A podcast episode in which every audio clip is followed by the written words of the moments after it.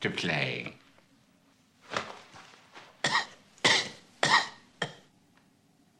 Can there be misery loftier than mine? No doubt. Formerly. But now, my father, my mother, my dog. Oh, I'm willing to believe they suffer as much as such creatures can suffer, but does that mean their suffering equals mine? No doubt. No. All is absolute. The bigger a man is, the fuller he is, and the emptier. Clove? No. Alone. What dreams! Those forests. Enough. It's time it ended in the refuge too. And yet I hesitate. I hesitate to to end. Yes, there it is. It's time it ended, and yet I hesitate to to end. Endatafl. Endgame eftir Samuel Beckett, hlustendur góður. Þannig heyrðum við í Michael Gambon í hlutverki Hams. David Thulis leikur fjandvin hans Klóf í sömu uppfæslu. Nokkrar sálir húkanir í kjallara eða í einhverju íbúðarhólu í emd og volæði. Úti er okn og skjelving. Þángað fer engin. Þar er engin, teljum við. Lengst af, kannski. Býr nokkur við hátimbraðri emd en ég, spyr ham, en samt hikar hann við að binda endi á tablið. Þau leikrit sem írskiri töfundurinn Samuel Beckett er frægastur fyrir og áttu mestan þátt í að færa honum Nobelsverlunin 1969 beður eftir Godot og endatafl. Þau virðast stundum við fyrstu sín verið eins konar hryllingsögur úr eðilegri sál þar sem allt er grátt, grátt og reikugt og dimt og ekkert við að vera, ekkert að gera, ekkert að finna eða skinja En eins og ég nefndi í þættinu mínum fyrir viku þá eiga leikirnir kannski meiri undirstöðu í lífi Beckett sem ætla, ætla mætti við fyrstu sín og kannski lýsa þau á sinnhátt þeirri hættu sem hann upplifði á eigin skinni í síðari heimsturjöld þegar hann var búsettur í París og tók þátt í starfi frönsku ansbyrnurhefingarinnar gegn grimmu hernámsliði þjóðverja og mátti þá upplifa alltaf því óbærilega spennu þegar hann beigð stöðugt eftir því hvort uppum hann kæmist, hvort vinnur eða óvinnur byrtist næst, hvort endir væri í aðsíi.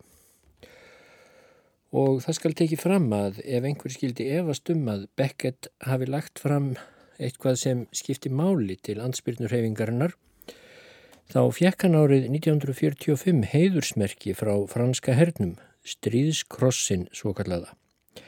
En hann fengu þeir sem þóttu hafa lagt sérstaklega mikið til frelsunar Fraklands í síðari heimstyrjöldinni.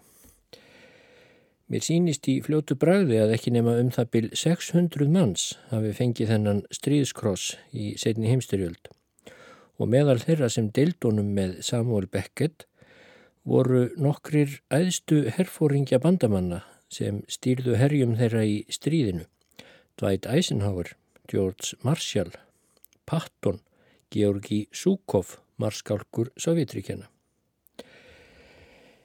Beckett helt því reyndar aldrei á lofti að hann hefði fengið þessa merku orðu eins og Zhukov og ekki þarf að orðlengja að hann gekk aldrei með hana. En fyrir þáttur fyrir viku endað á því að svikar í ansbyrnuhreifingunni kom upp um ansbyrnuhópin Glóriu sem Beckett tilherði.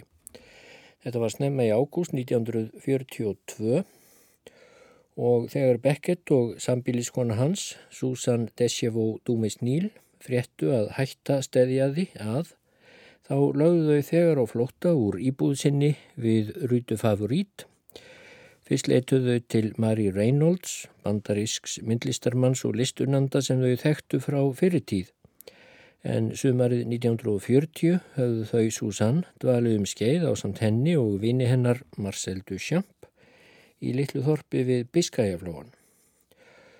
Þau íhuguðu þá að flýja til Spánar undan Þíska hernámsliðinu sem þá var að leggja undir sig Frakland en úrvarð að öll snýru á endanum aftur til Parísar.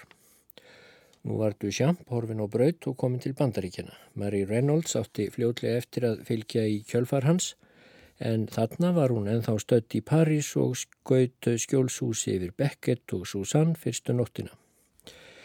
Ekki var hins vegar örugt fyrir þau að dvelja þar lengur því búast mátti við að þjóðverjar og samverkamenn þeirra fyldust grant með mannaferðum í og við íbúð þessarar bandarísku konu. Nú voru bandaríkinn lendi í stríðinu líka og Mary Reynolds var því raun í hópi óvinna þjóðverja.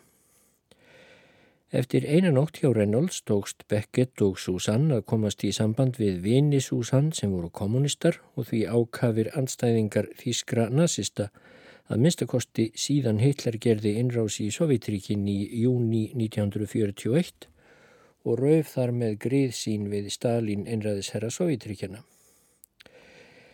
Í nokkra daga voru þau í felum hér og þar í París og félagar í ansbyrnurhefingunni sem þau voru í sambandi við sögðu þeim að Gestapo, þíska leinilögreglan, væri nú í óða önn að góma æg fleiri meðlimi í glóriuhopnum. Þeir sem handteknir voru máttu búast við að verða pintaðir, sumir hreinlega myrtir eða dæmdir til langrar fangavistar í ömurlegum fangabúðum og það kom alls ekki allir lifandi þaðan. Beckett og Susann gistu meðal annars á nokkrum lít áberandi hótelum þessa haustdaga 1942. Þau skráðu sig þar undir fölsku nafni og Beckett kom sér í eina skiptið á æfinni upp yfirvaraskeggi í vonum að hann þekktist síður. Frá því er greint í æfisögu Becketts eftir James Knowlson sem ég stiðst heilmikið við að einu sinni þegar þau skotu hjú voru komin upp á hótelherbergi sitt hefði Beckett skindilega bölvað hraustlega þegar hann áttaði sig á að hann hafði ógátti skrifað sitt réttanabn í gestabók hotelsins um leið og þau skráðu sig og þar blasti því við nafnið Samuel Beckett ef útsendarar gestabó kemur að snöðra. Þau pökkuðu því umsveðalöst niður í töskur sínir og ný og laumuðust út af þessu hotelli. Susan sem var praktísk kona og með ágæta skipulagsgáfu mun oft hafa haft orð á þessu síðan til að sína vinnum og kunningum fram á hver Beckett væri annarsvegar og stundum ekki alveg með á nótunum í praktískum efnum.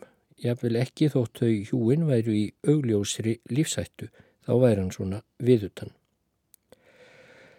Þar kom síðan að þau fengu gegnum Manju Perón vinkonu sína inni hjá rittvöndunum Nathalie Sarraud. Sarraud þekkti Beckett ekki mikið þá og það var áhættu samt fyrir hana að taka Beckett og Susannin á heimili sitt, ekki síst vegna þess að hún og eiginmaður hennar voru í sjálfu sér bæði í áhættuhópi gagvart þýska hernámsliðinu. Nathalie Sarraud var gýðingur en Raymond einmaður hennar var meðlimur í ansbyrnurhefingunni. Það vísu ekki í sama hópi og Beckett og félagar hans og því ekki alveg í eins mikilli hættu einmitt þá stundina.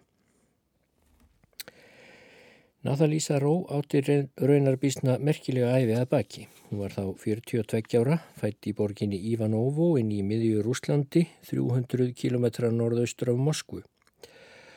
Fóreldrar hennar skildu þegar hún var kornung. Þau voru bæði gýðingar með mikil tengsl við Frakland og frá nýjáraldri bjóðun í Fraklandi með föður sínum sem var efnaverkfræðingur og rakum skeið litunarverksmiðju skamt frá París. Móðurinnar vildi ekki sinninni lengi framann af bernsku árunum en þær mægur náðu þó tengslum að lokum og sátum. Nathalí lagði gjörfa hönd á margt strax frá æsku árum Hún lærði bæði sögu í Oxford, síðar félagsfræði í Berlín en lög svo laganámi í París. Árið 1925 gekk hún í hjónaband. Maðurinn hennar var líka lögfræðingur, þau eignuðust þrjár dætur. Nathalie Sarraud var mikill bókmyndaunandi, allt frá blöytu barsbeini og séð hef ég þau Marcel Proust og Virginia Woolf nefnd sem sérstök átrúnaðar góð hennar og svo náttúrulega James Joyce. Árið 1939 hafði hún gefð út bók, Trófism. Það er hugtakur lífræði, skilst mér, og því er eiginlega viðbrað við áreiti, eins konar vakstarkippur í júrtum, fyrst og fremst. Í áttina að eða frá tilteknu áreiti, til dæmis byrtu, kulda, hita eða bara hverju sem vera skall. Þessi bók geymir 24 stutta teksta, eins konar vinnjettur sem kallaður eru, þar sem Saró bindi aðtikli sinni að einhverju sem flesti rittumundar hefðu þá hyrt lítið um, hvernig ljós fjallinum glugga, hvernig hljóð bárust um hús. Þessir tekstar eru skrifaður í senn af miklu næmi en líka skarpskigni. Þetta er ekki ljóðræn vella ef einhver skildi halda það þó tekstin sé víða bæði ljóðræn og fagur heldur í aðra röndina bísna kvöss rannsókn á því sem aðtiklenar beini stað. Bókin vakti nokkra aðtikli meðal helstu bókmyndaunenda og annar reytuvenda en almenningur reyfst líkt af. Stríðið var þá að skella á og jafnvel franskir mentamenn höfðum annað að hugsa en nýjungar í skálskap Svo hjá Ímsum fór bóksaróð alveg fyrir ofangarð og neðan. Og eftir að þjóðverjar lögðu undir sig Frakland þurfti hún sem gýðingur að gæta sín vel. Henni var fyrst bannað að stundar lögfræðistörf eftir að gýðingalógin Þísku voru tekin upp í landinu og þurfti síðan að láta lítið fyrir sér fara. Hún skildi meðal annars við eiginmann sinn til þess að reyna fyrra hann vandræðum ef þjóðverjar færið eldast við hana. Þau hjón heldur þó, þó áfram sambúðsynni alla tíð. Þau Saró hjónin könnuðust við Beckett gegnum samiðinlegan vín, Alfred Perón, kennara. Hann var mikill vínur Becketts og sá sem fekk hann til starfa í ansbyrnurhefingunni, þar sem Perón var einn helsti leðtogi ansbyrnuhópsins Glóriu. Perón var líka vínur Saró hjónanna og þó ennfrekkar konanans, hinn fyrirnemda Mania Perón, sem var rúsneskað uppruna eins og Nathalie. Gegnum Maniu höfðu Sarót hjónin frétt að Beckett og Susanne hefðu varla í sig og á eftir að þau komu aftur til Parísar og uh, þau sendu þá Klót dóttur sína í enga tíma í ennskum bókmentum til Becketts og borguðunum svo vel fyrir sem hægt var. Klót var þá á fermingaraldri og hafði verið altalandi á ennsku frá blöytu barspeini. Hún saði síðar frá því að eftirminnilegast frá bókmentatímanum á rýtu favorít hefði verið að þeir fóru fram í tjaldinu sem Beckett hafði reist á stofugólfinu í íbúð þeirra Susann til þess að reyna að halda þar á þeim svo litlum hita. Inni í þessu tjaldi kuldraðist hún ásand Beckett og þau töluðu um Shakespeare. Nathalie Saró sagði meðal annars frá því síðar að Klot hefði einu sinni komið úr bókmentatíma hjá Beckett bísna nexluði yfir því að Alfred Perón hafði komið í heimsókn og þeir Beckett hafðu rætt opinskátt um leinileg málefni ansbyrnuhópsins svo hún heyrði til. Þetta fannst stúlkunni að vonum að þeir hefði ekki átt að gera. Hún hefði ekkert að gera með þessa vittnesku og þetta gatt stopnað bæði þeim og henni í lífsættu. Enda mun Susann hafa hundskamma þá félaga þegar hún kom aðvífandi og heyrði hvað þeir voru að tala um í viðurvist ungustúlkunar. Sumarið 1944, 1942 höfðu Sarró hjóninn fengið inn í bústað í sveitaþorpinu Sjanvrí um 25 km söðvestur af París. Þar var óneitanlega nokkuð þröngt því hjóninn byggu þar með að minnstakosti tveimur af sínum þremur dætrum Móður Nathalie Sarótt bjóð þar líka og sömulegðis ung stúlka af gýðingaættum sem bjóð þar undir dulnefni. Eginmaður Sarótt vann reyndar og gisti í París á virkum dögum en reynda að vera sem mest þarna í bústæðunum hjá fjölskyldu sinni. Sarótt sagði síðar. Þetta hafði verið bústæður gardirkjumann sem hétt Marjas, lítill og bísna frumstæður kofi eiginlega Þannig var ekkert rennandi vatn nema í eldhúsinu og kamratnir voru í fjarlægari enda gardsins. Að kúldrast þarna svona mörg var sangkölluð Guðs refsing. Þegar Beckett og Susann bættust við, urðu stelpunar okkar, Klót og Ann, að flytja henni í litla dimma kompu handan við eldhúsið sem við höfum áður notað sem borstofu. Við settum dínu þangað inn handan þeim að likja á. Beckett og Susann fengu svefnibergi þeirra sem var nokkuð einfalt og ekkit sérstaklega fallegt en svo sem allt í lægi. Það var allavega besta og sólríkasta herbergið í húsinu. Beckett og Susann byggu hjá okkur í svona tíu daga. Og hættir að segja að þeim Beckett og Nathalie Sarraud hafi ekki beinlýnis lind vel þessa tíu daga. Hún helt áfram frásögnunni af dölinni á þessa leið. Beckett talaði þá frönsku með mjög, mjög sterkum ennskum hreim. Franskan hans var endur ekki mjög góð, hvorki töluð nýja skrifuð en hann hafði líka komið sér upp yfirskeggi í vonum að þekkjast síðar, síður. Ég man að maðurinn minn saði við Beckett, það fyrsta sem þú þarfst að gera er að raka þér þetta yfirskegg því þú lítur út og hljómar nákvæmlega eins og ennskur skrifstofumadur eða jafnvel ennskur liðsfóringi. Susann hjálpaði til við matseldin og einkaup en Beckett hafði lítið við að vera. Þar sem stelpunar voru nú sestarað í kompunni sem hafi verið borðstofa snættum við eftir leiðis í eldhúsinu. Beckett og Susann fóru bæði mjög sent á fættur, eða um hálf tvö. Og ymmið þá sátum við að snæðingi í eldhúsinu. Þá áttu þau oft leiðum eldhúsið með koppana sína sem þau höfðu brúkað þá um nóttina og voru nú á leiðinni á kamarinn að tæma þá.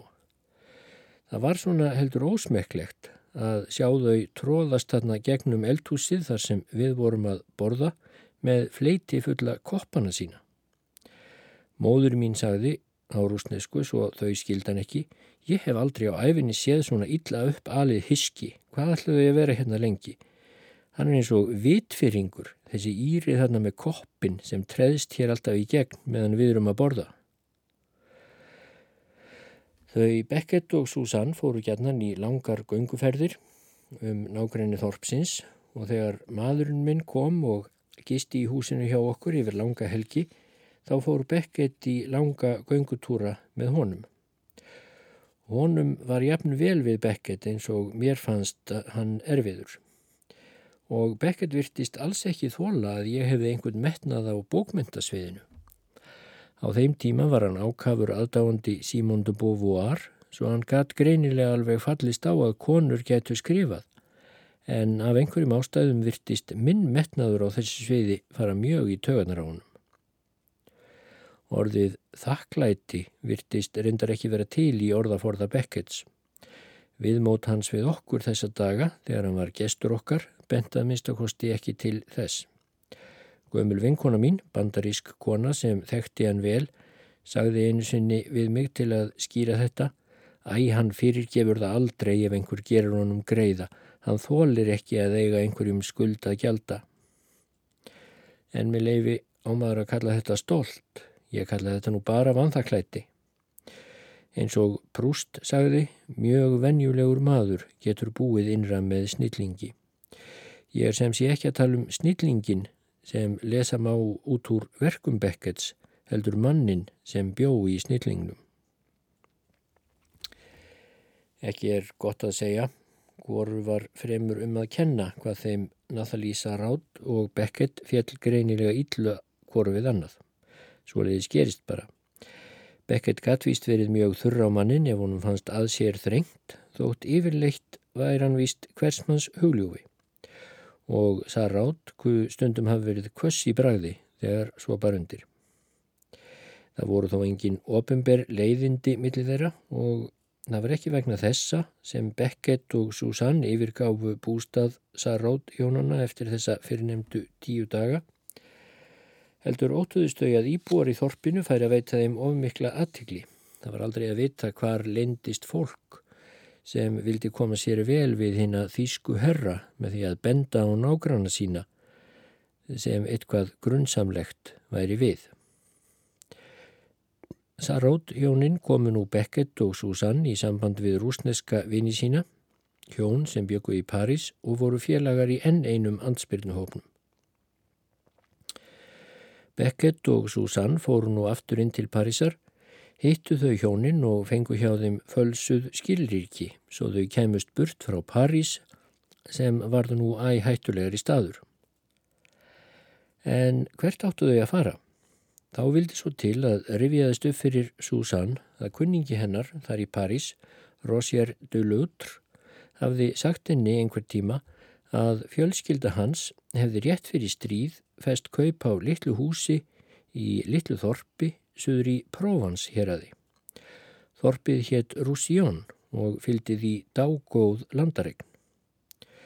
Í byrjun árs 1942 hafði mest öll dulutr fjölskyldan fluttangað til að vera í friði fyrir Þíska hernámsliðinu nefnarendar Rossier sem bjó enn í París. Bæði hann og Ívon sýstir hans voru tónlistarfólk og hafðu kynst Susanne í gegnum tónlistina. Hún var jú útlærður píjánuleikari. Eginmaður Ívon hétt Marcel Lobb og var málfræðingur og háskólakennari en líka gýðingur og hann misti því vinnu sína fljótlega eftir að þjóðverjar komu á sínum gýðingalögum á hernámsvæðum sínum í Fraklandi. Ívon og maður hennar og tvei börn þeirra voru komin söður til Rússjón á samt móður Ívon og Roger. Roger reyndi að hafa ofana fyrir sér með sem tónlistarmadur í París en sífælt þringdist reyndar hans hagur þannig að hann var farin að velta fyrir sér að flytja líka þangað söðurettir. Susan hafði nú samband við hann og spurði hvernig ástandið væri í þorpinu og hvort mögulegt væri að þau Beckett getu búiðar og látið lítið fyrir sér fara. Rosier du Lötr taldi að svo geti velverið en þá var spurningin hvernig þau kæmust þangað söður. Þjóðverjar heldu uppi strángri landamæragæslu á landamerkjum hernámsvæði síns og yfiráðasvæðis vissi stjórnarinnar, svo nefndu, sem komið hafði verið á fót í hluta landsins eftir ósegurinn fyrir þjóðverjum sömarið 1940. Vissi stjórnin var þó í raun ekki annað en lepp stjórn á vegum þjóðverja.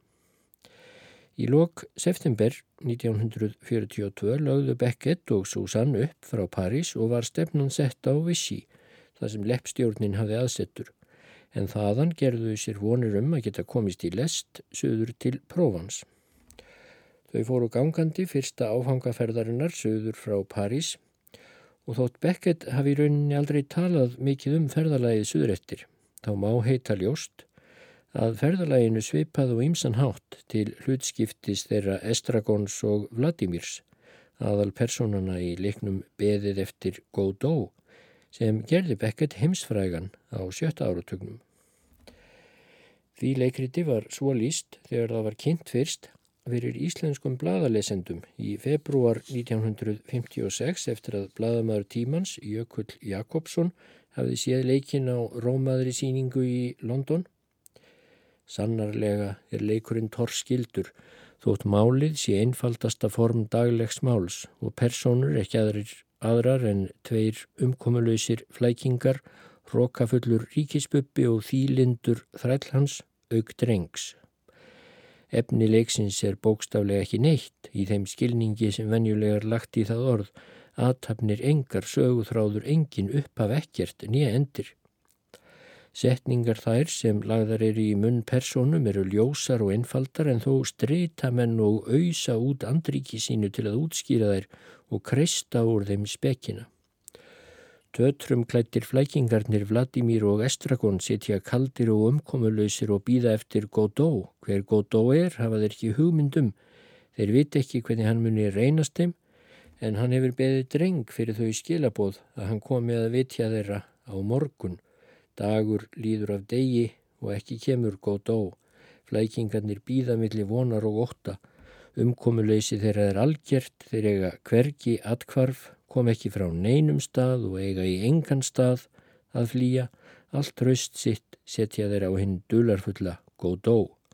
Meðan á byðinni stendur ber að hinn blinda ríkispuppa, ruttan og ofurmennið Potsó sem hefur þrælsinn hinn hernarlösa lökki í bandi eru viðskipti þeirra fjórmenninga hvortvekja í senn grátleg og hörmuleg. Tilvitnun líkur. Þótt Beckett og Susanne hafa ekki haldið lengi kyrru fyrir á hverjum stað á ferðalæginu Suður á bógin frá París. Þá er nokkuð ljóst að ímsa þræði úr því ferðalagi hefur Beckett nýtt sér þegar hann fór að skrifa um þá Vladimir og Estrakon. Stundum þurftu þau að býða eftir nýjum ansbyrnumönnum sem þau þekkt ekki, mönnum sem áttu að fylgja þeim næsta áfanga og þau urðu að treysta á í blindni. Það gatt verið alls konar fólk og alveg óvíst hvort hægt var að treysta öllum. Þau sváfu í heipingum á daginn og hvar sem skjól fannst en gengu á nóttunni. Það var komið haust og þetta var heldur ráslagalegt ferðalag. Ganski kom að lokum sendibóði og sagði að fylgdarmadurinn fyrir næsta áfanga kæmist því miður ekki í dag en hann kæmi áraðanlega á morgun. Og alltaf vofði ógnin yfir, ekki óskilgrend ógn lífsins eins og vofir yfir þeim Vladimir og Estragon, ekki lamandi þungi tilverunar heldur leinilögurglan Gestapó og sveiksamir útsendarar hennar. Vitanlega á ekki að ganga of langt í að tengja listaverk höfunda eins og Beckets við einhver æfiatriði en eigðilegt landslægið í beðrættir Godó er þó augljóslega franskur sveitavegur að hösti. Svo því skildi ekki vera fleira úr þessum flótta Beckets og Susanne undan grimmum nazistasveitum að finna í þessum leik. En allt gekk vel. Fylgdarmennir sem áttu að koma, þeir komu. Beckett og Susann heldu áframferðinni ásamt fleiri flótamönnum reyndar. Ímsir bættust í hópin þegar leið á ferðina að landamerkjum Vissi og Þíska hernámsvæðisins. Þau voru alls tíu þegar yfir laug. Fylgdarmennir komu alltaf á endanum og kunnu ímislegt fyrir sér. Fóringi þeirra hétt André Charot kallaður DD en það er nánast alveg sama nafnið og Estragon notar um vinsinn Vladimir, hann kallar hann DD. DD var vel undir búin, sumstaðar hafði hann högvið niður aspir og lagt yfir læki og smá árs og flótafólkið gætt fetað sig yfir.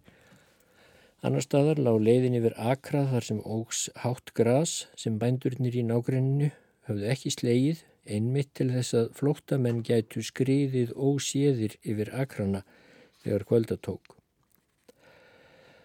Beckett sagði í eitt af þeim fáu skiptum sem hann rætti þennan flótta þegar Susann söður eftir. Ég man eftir að hafa beðið í hlöðu þanga til það var orðið dimt. Síðan leiti leiðsögum aður okkur yfir á en við sáum þýska varðmenn á vappi í tunglskinninu þar nærri. Svo fórum við fram hjá franskri varðstöð hínumegin. Þjóðverjarnir voru enn á ferðinni á veginum og við laumuðumst þess vegna yfir akrana. Nokkurum stúlknana sem voru með okkur var tróðið í skottið á bíl sem byrtist og ekkið þannig á leiðarenda. Síðan helt ferðin áfram til Vissi á svipaðan hátt nema hættan var ekki alveg eins mikil en áfram var sofið í heistökkum og gengið á daginn Unst þann 29. september 1942 að Beckett og Susanne komu örþreitt gangandi inn til Vichy og fengu þar inni á Hotel Castelfleur. Eftir að hafa kvílt sig helt Beckett á fund sendifulltrúa Írlands í Vichy en kom þar að tómum kofunum, sá vildi ekkert fyrir landa sinn gera. Þau eru þá að taka þá áhættu að gefa sig fram við frönsk yfirvöld og viðurkenna að hafa laumast frá París í trássi við reglur hernámsliðsins. Það gætt brúði til begja vona. Ef Íla hefði staðið í bólið hjá ennbættismönnum vissi í stjórnarinnar hefðu þeir vel átt til að taka Beckett og Susan Föst og afhenda þau svo þjóðverjum. En allt fór vel. Þau fengu að halda áframferð sinni fengu í hendur passa sem gildi í tvo daga og gerði þeim kleift að fara í jötbröytarlest söður til Avignon í Provins. Og þegar þau voru komin þangað hjálpaði Marcel Loeb, mágur Roger Dulotr, þeim að komast til Þorpsins Roussillon. Þangað komu þau örmagna, þreytt og úvinn eftir sex vikna nær samfeldan flótta eftir svikin ægilegu sem sér að Robert Alesch stóð fyrir á brautarstöðunni Gardi Lyon í París snemma í ágúst þegar sér megin Tiljón var handtekinn og ég sagði frá í fyrra þætti. Allan tíman hafði hægt af ofað yfir meðan þau Beckett og Susanne byðu sífelt eftir lausn, nú tæki endatablið við. nú er þið kannski friður um skeið.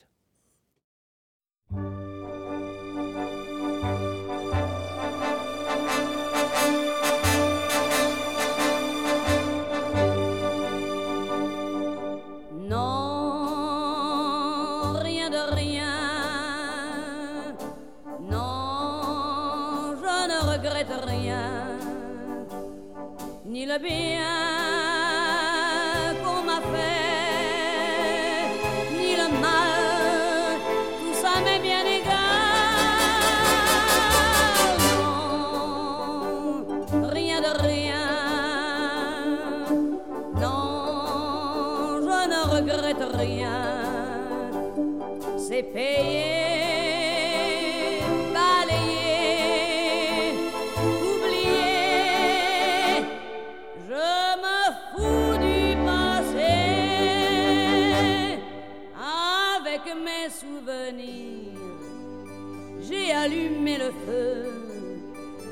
chagrins, mes plaisirs, je n'ai plus besoin de balayer les amours avec leur trémolo, balayer pour toujours.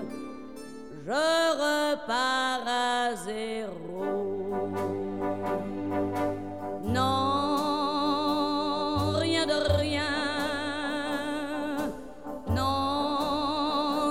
Regrette rien, le bien qu'on m'a fait, ni le mal, tout ça m'est bien égal. Non, rien de rien, non, je ne regrette rien, car ma vie,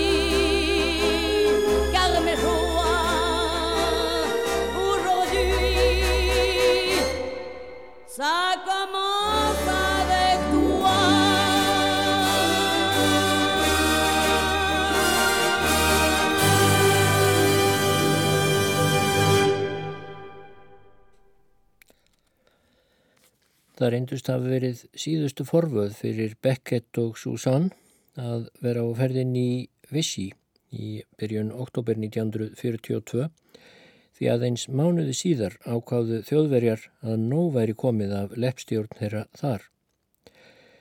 Þeir fóru þá halloka fyrir bandamönnum í Túnis og ákváðu að herða tökinn í söður Fraklandi, sendu hernámslið sitt um allt Frakland þvert og endi langt.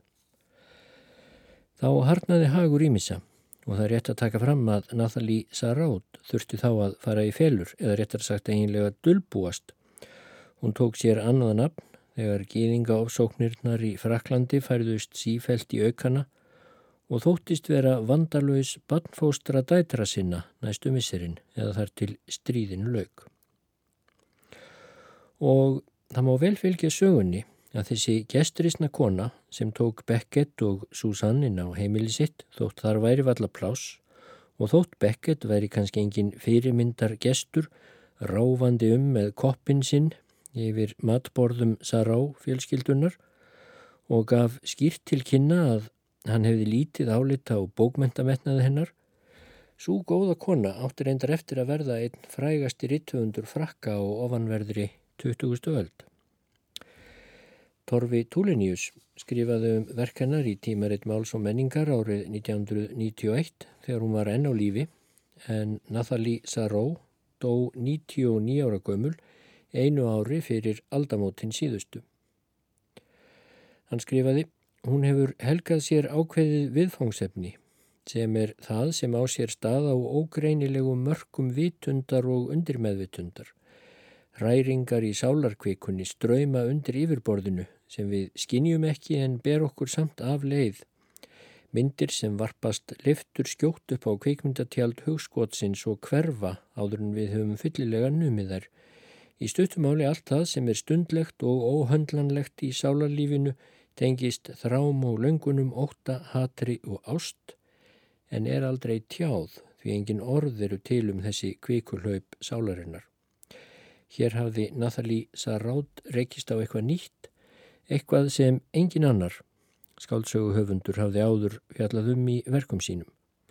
Til að kanna þessi ókunnu fyrirbæri hefur hún þróað sérstakt tungumál, myndríkt og ljóðrænt sem hún hefur smíðað úr brotum úr bókmentaarfleðinni, daglegum viðræðum fólks, hefðbundnum myndum af raunveruleikanum.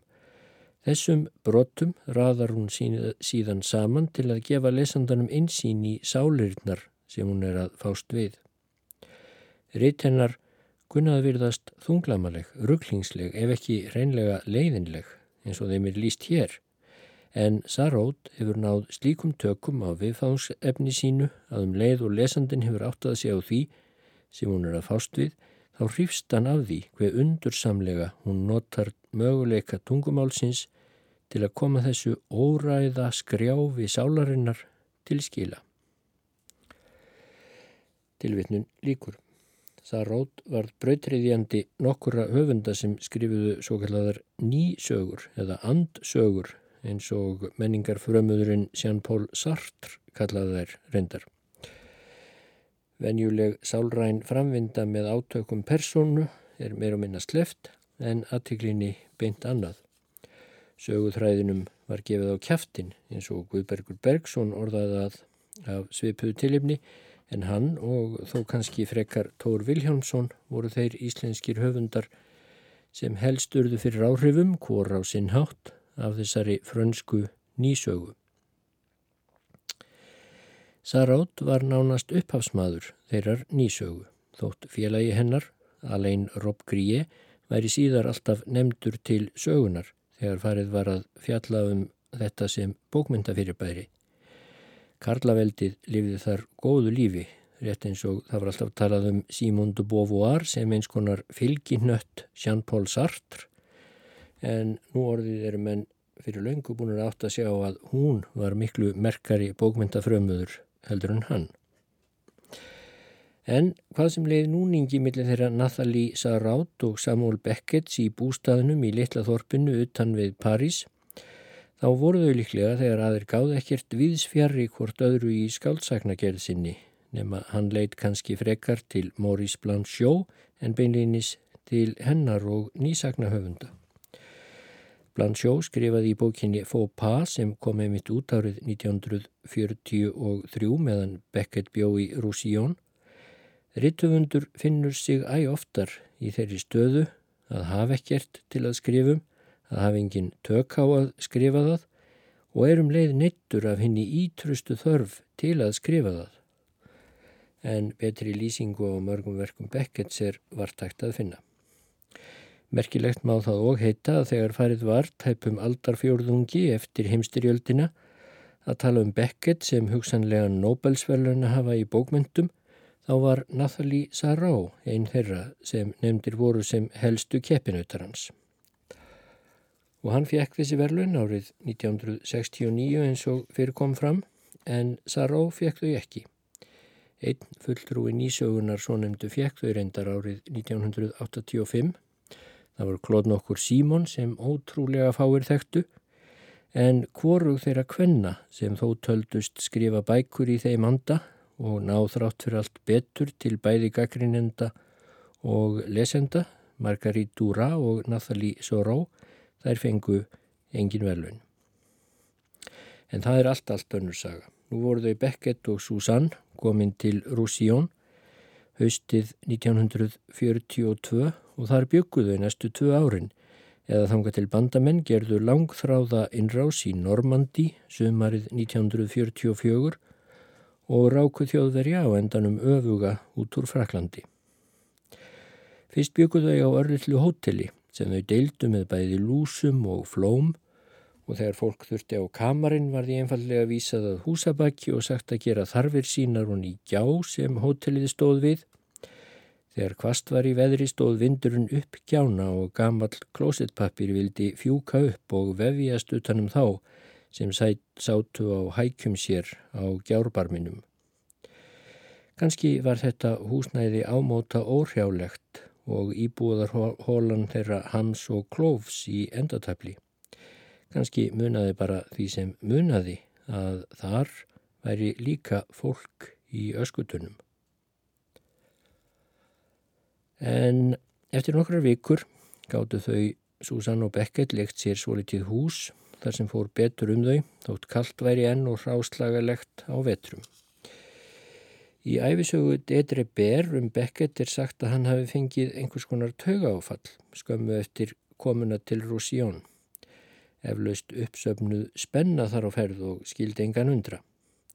Hinn æfisögu höfundur Becketts fyrir nefndur James Knowlson segist ekki hafa fundið heimildir um taugaáfall en segir það kemur svo sem ekki á óvart en það var Beckett síður en svo tilfinningarlaus þótt afar hæglátur væri á yfirborðinu og fátt virtist þess umkomið að robla við honum. Allt hérnt jafnaðan sig og varð aftur sjálfum sér líkur. Það gerðist ekki margt þessi misseri. Beckett fór að vinna á nálægum bondabæ og þótt hann vildi ekki fyrir sitt litla líf þykja kaup fyrir, þá fekk hann matfæli að launum og þau voru vel þegin því þau, Susann, höfðu afarlittlar tekjur þessi misseri. En sem betur fer voru þau bæði neyslugrönn. Beckett varð frægur fyrir dugnað við vinnuna á bóndabænum en ekki fórsamt millir mála að hann var ekki sniðin fyrir kvikfjárrækt allavega því hann gæti ekki með nokkuru móti hort upp á dýrin á bænum dreppin. Það varð frækt á bænum þegar fólkið króaði einu sinni af aðvífandi róttu og var í þann vegin að drepp hana með kilvum en þá kom Beckett þjótandi skjelvingu lostin, náði að grípa rottuna og hljóp svo sem fætur tóguðu meðan út í nálegan skurð og sleftinni þar. Þau Susann voru ekki beinlýnis í felum meðan á dvölinni í Rússjón eh, stóð en gættu þess þó eins vandleg og hægt var að þjóðverjar kemist ekki á snóður um dvöl þeirra. Þorpið var sem betur fer svo lítið að þjóðurjarnir höfðu lítinn áhuga á því og komu víst ekki nema þrísvar til Þorpsins eftir að þeir lögðu undir sig svæði vissi í stjórnarinnar og stóð alltaf stutt við. Það var fátt mentaðara manna í þessu Þorpi, að minnstakosti einhverja sem höfðu einhver samsvarandi áhuga svið í menningunni og Beckett, svo hann saknaði þess mjög að hafa ekki marga til að tala við um menningarlega eða heimspekilega efni Marcel Loeb, eigin maður Yvonne Delutre, fyrirverandi kennarin sem þóttist vera bondi þarna söður frás og þjóðverjar uppgöttuð ekki að hann væri gýðingur. Hann hefði kannski verið fín félagi fyrir Beckett á síkvöldum en þá vildi svo til að þeir bókstaflega þóld ekki hver annan og nakk rifust meira sér oft þegar þeir hittust og lendi Beckett þó ekki oft í rifrildum.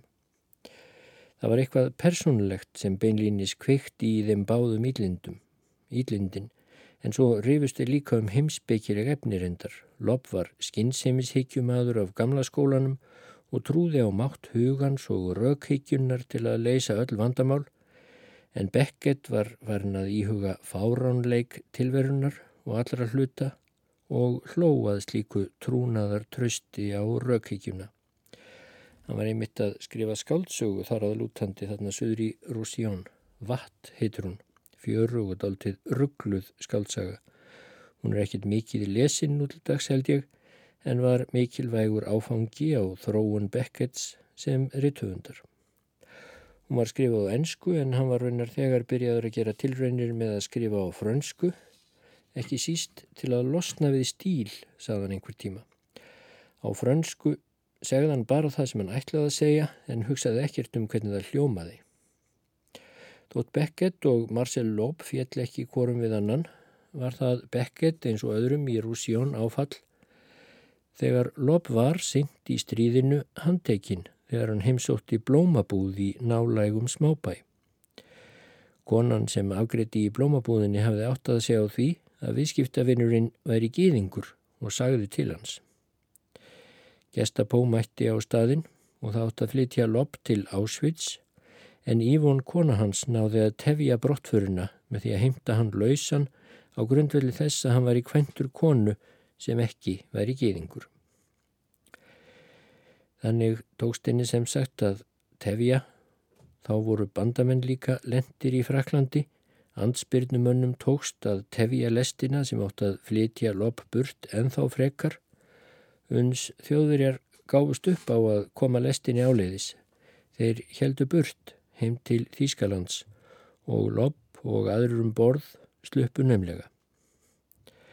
Beckett hafði tekið þátt í hugarangri í von út af einmanninum og hann let þess jáfnframt getið þegar hann talaði um þetta setna, sem var auðvitað mjög sjaldan, að þótt allir hefðu reyðist mjög konunni í blómabúðinni sem sagði til lops, þá hefði honum að minnstakosti blöskrað yllilega eftir frelsunina þegar ansbyrnu liðar fóru vopnaðir á fund konunnar og drápana í blómabúðinni sinni.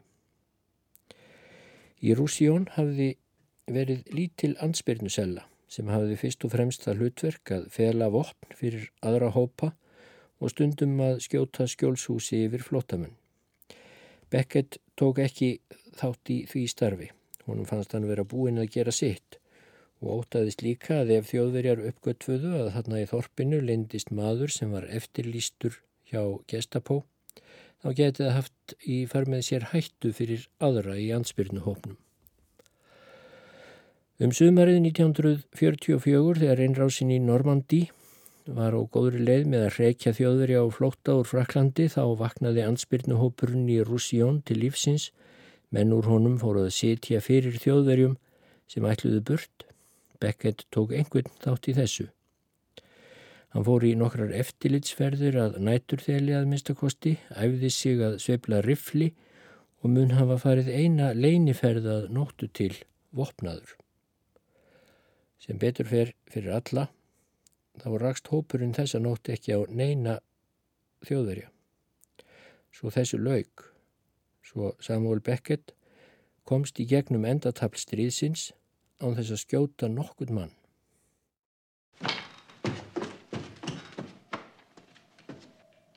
Finished. It's finished. Nearly finished. It must be nearly finished.